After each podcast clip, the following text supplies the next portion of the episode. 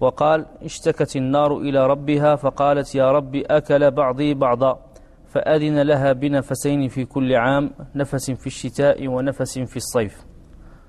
هذان وقتا النفسين فهذا الحر الذي يجده الناس هو من نفسها في الصيف وذلك الزمهرير الذي يجده الناس هو من نفسها في الشتاء. وقد روى البخاري ومسلم عن أبي هريرة رضي الله عنه أن رسول الله صلى الله عليه وسلم قال اشتكت النار إلى ربها. فقالت يا رب أكل بعضي بعضا فأذن لها بنفسين نفس في الشتاء ونفس في الصيف فهو أشد ما تجدون من الحر وأشد ما تجدون من الزمهرير. هنا يرد سؤال جهنم موضع العذاب وموضع الحر. حتى سار في أعراف الناس إذا اشتد بهم الحر قالوا جهنم هذه.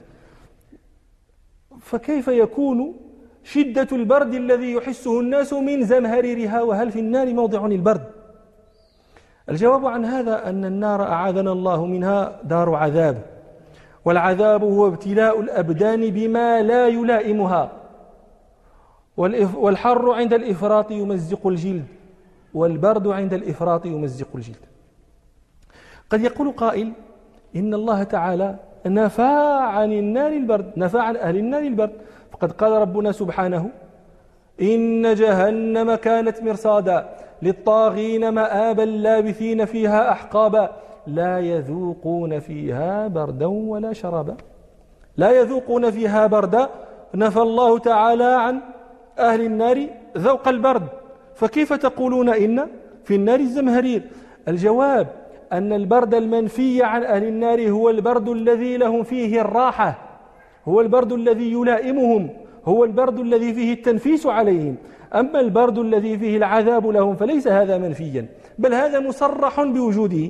أليس ربنا يقول بعد هذه الآية؟ إلا حميما وغساقا. لا يذوقون فيها بردا ولا شرابا إلا حميما وغساقا وفي قراءة عند السبعة وغساقا والغساق والغساق عند طائفة من المفسرين منهم ابن عباس رضي الله عنهما الزمهرير شدة البرد الغساق. قد يرد سؤال أيضا وهذه كلها أسئلة عقلية قد تثار أحيانا لا بأس بإثارتها. كيف يجتمع حر وبرد في موضع واحد؟ هما تيقولوا المغاربة بارد وسخونة مولاي يعقوب.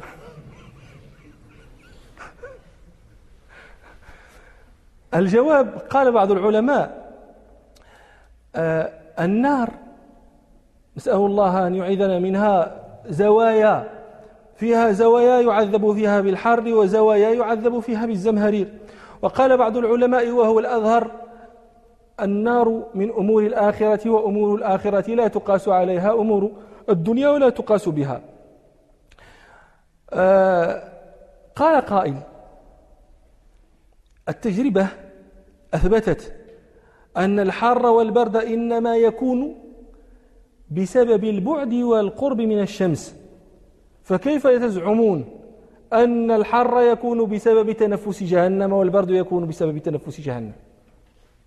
والجواب عن هذا أن الأشياء لها أسباب ظاهرة وأسباب باطنة والأسباب الباطنة تخبر بها الشريعة والأسباب الظاهرة لا تنفيها الشريعة. وهذا خاص بما لا تخالف فيه بين الأسباب الظاهرة والباطنة. أما إذا وقع التخالف بين الأسباب الباطنة التي تخبر بها الشريعة والأسباب الظاهرة التي يخبر بها التجربة فإن القول حينئذ قول الشريعة. هنا مسألة قال رسول الله صلى الله عليه وسلم فإذا اشتد الحر فأبردوا عن الصلاة. قالوا إحنا تقدم لنا أن الأفضل في الصلاة أن تفعل في أول أوقاتها. وقلنا إن هذا مطلق إن هذا مطلق يعني أمر مطلق للجماعة وللمنفرد لقول النبي صلى الله عليه وسلم لما سئل عن أفضل الأعمال فقال الصلاة لأول وقتها. لكن قلنا إن الظهر يستحب أن تؤخره الجماعات إلى ربع القامة على ما كتب به عمر رضي الله عنه إلى عماله إلى عماله. لكن المنفرد هذا لا يستحب له آه، عمر رضي الله عنه كتب إلى عماله أن يؤخر إلى ربع القامة ويزاد التأخير للإبراد إذا اشتد الحر. لكن هذا خاص بالجماعات. ولذلك قلت لكم قد قال الشيخ خليل رحمه الله وللجماعة تقديم غير الظهر هذه يستحب تقديمها. وتأخيرها أي الظهر لربع القامة على ما قاله على ما أمر به عمر بن الخطاب رضي الله عنه. ويزاد لشدة الحر وهذا هو الإبراد. لكن قال قالوا هذا يعني خاص بالجماعات ولا حظ فيه للمنفرد. لماذا؟ لأن العلة التي شرع من أجلها الإبراد لا تنال المنفرد. هذا أصلا لا يخرج إلى المسجد وإنما يصلي في بيته. والعلة التي شرع من أجلها الإبراد لا تناله لذاك هذا لا يشرع له لا يستحب أقصد لا يستحب له الإبراد وإنما الأفضل له الصلاة في أول الوقت. اختلفوا, اختلفوا إلى متى يبرد؟ إلى متى تؤخر الصلاة؟ قال الحطاب رحمه الله في شرحه على المختصر المستحب تأخيرها إلى وسط الوقت. هم أجمعوا على أنه لا يستحب تأخيرها إلى آخر الوقت بدعوى الإبراد. لكن قال الحطاب رحمه الله تؤخر إلى وسط الوقت. قال الحطاب في في شرحه على المختصر لأن رسول الله صلى الله عليه وسلم أخرها إلى أن كان للتلول والجدارات فيء يستظل به وذلك وسط الوقت. ولا يغيب عن أذهانكم الحطاب مكي من أهل مكة فإذا تكلم عن فيء التلول والجدران وقال إن ذلك في أول الوقت فمثل هذا يقال أهل مكة أدرى بتلولها وجدرانها. آه. النبي صلى الله عليه وسلم بين أن هذا الحر هو من فيح جهنم من, من نفسها. والزمهرير أيضا منه فهل تؤخر الصلاة في الزمهرير كما تؤخر في الحر؟ للعلة الجامعة وهي أن كلا ذلك نفس من أنفاس جهنم.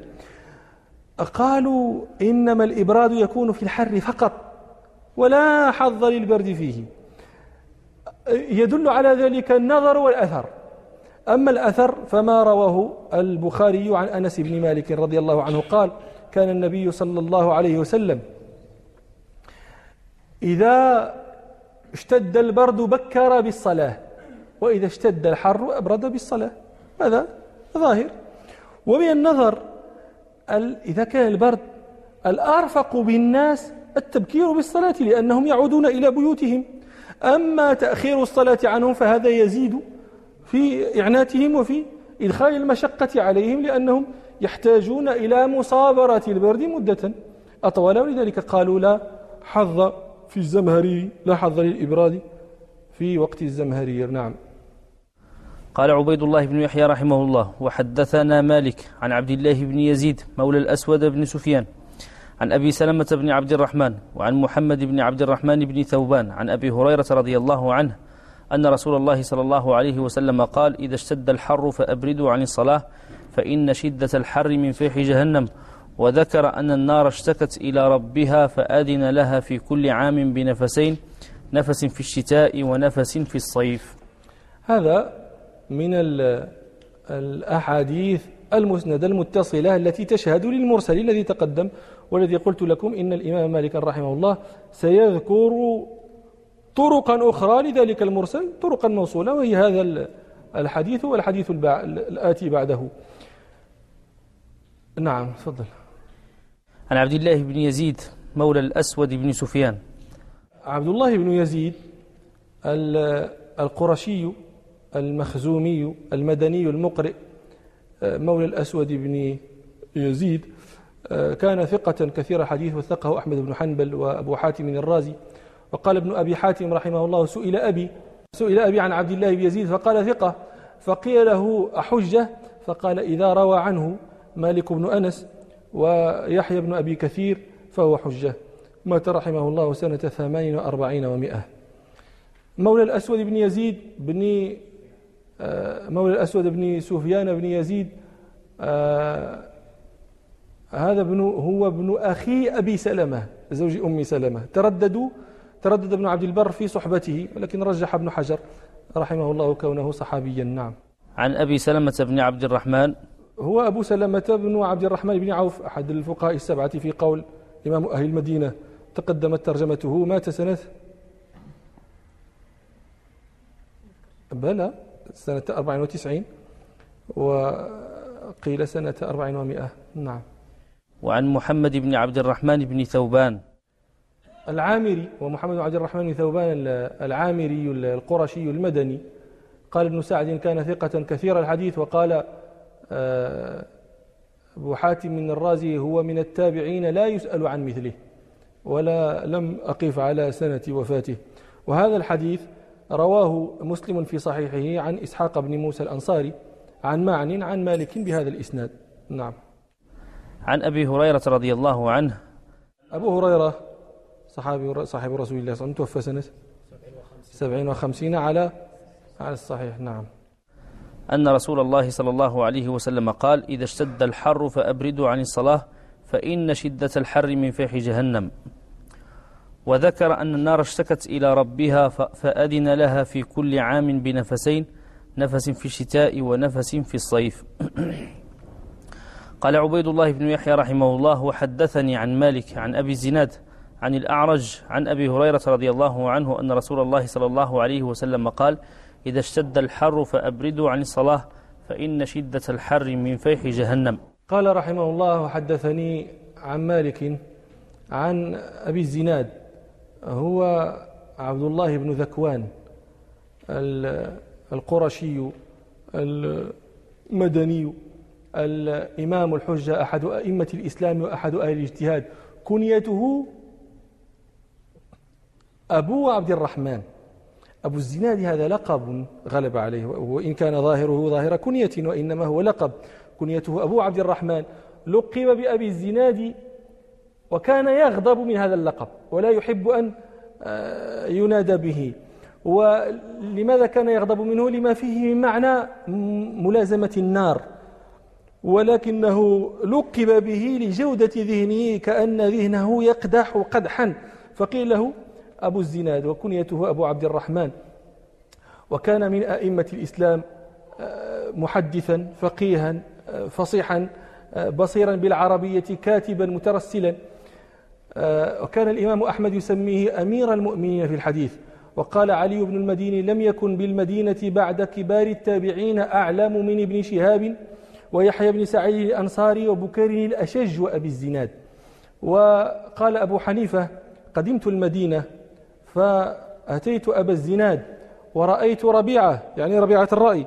قال وكان أبو الزناد أفقه الرجلين وكان الناس على ربيعة. قال فقلت لي لأبي, لأبي الزناد. أنت أفقه أهل بلدك. والعمل على ربيعة. كيف تقيم هذا؟ فقال له أبو الزناد ويحك. حظ كف من حظ. خير من جراب من علم. وقيل لأبي الزناد رحمه الله لماذا تحب الدنانير؟ وهي تدنيك من الدنيا. فقال إنها وإن أدنتني منها صانتني عنها. مات رحمه الله سنة ثلاثين ومائة وقيل سنة إحدى وثلاثين ومائة نعم. عن الأعرج. الأعرج اسمه عبد الرحمن بن هرمز. تقدمت لنا ترجمته مات سنة سبع عشرة ومائة نعم.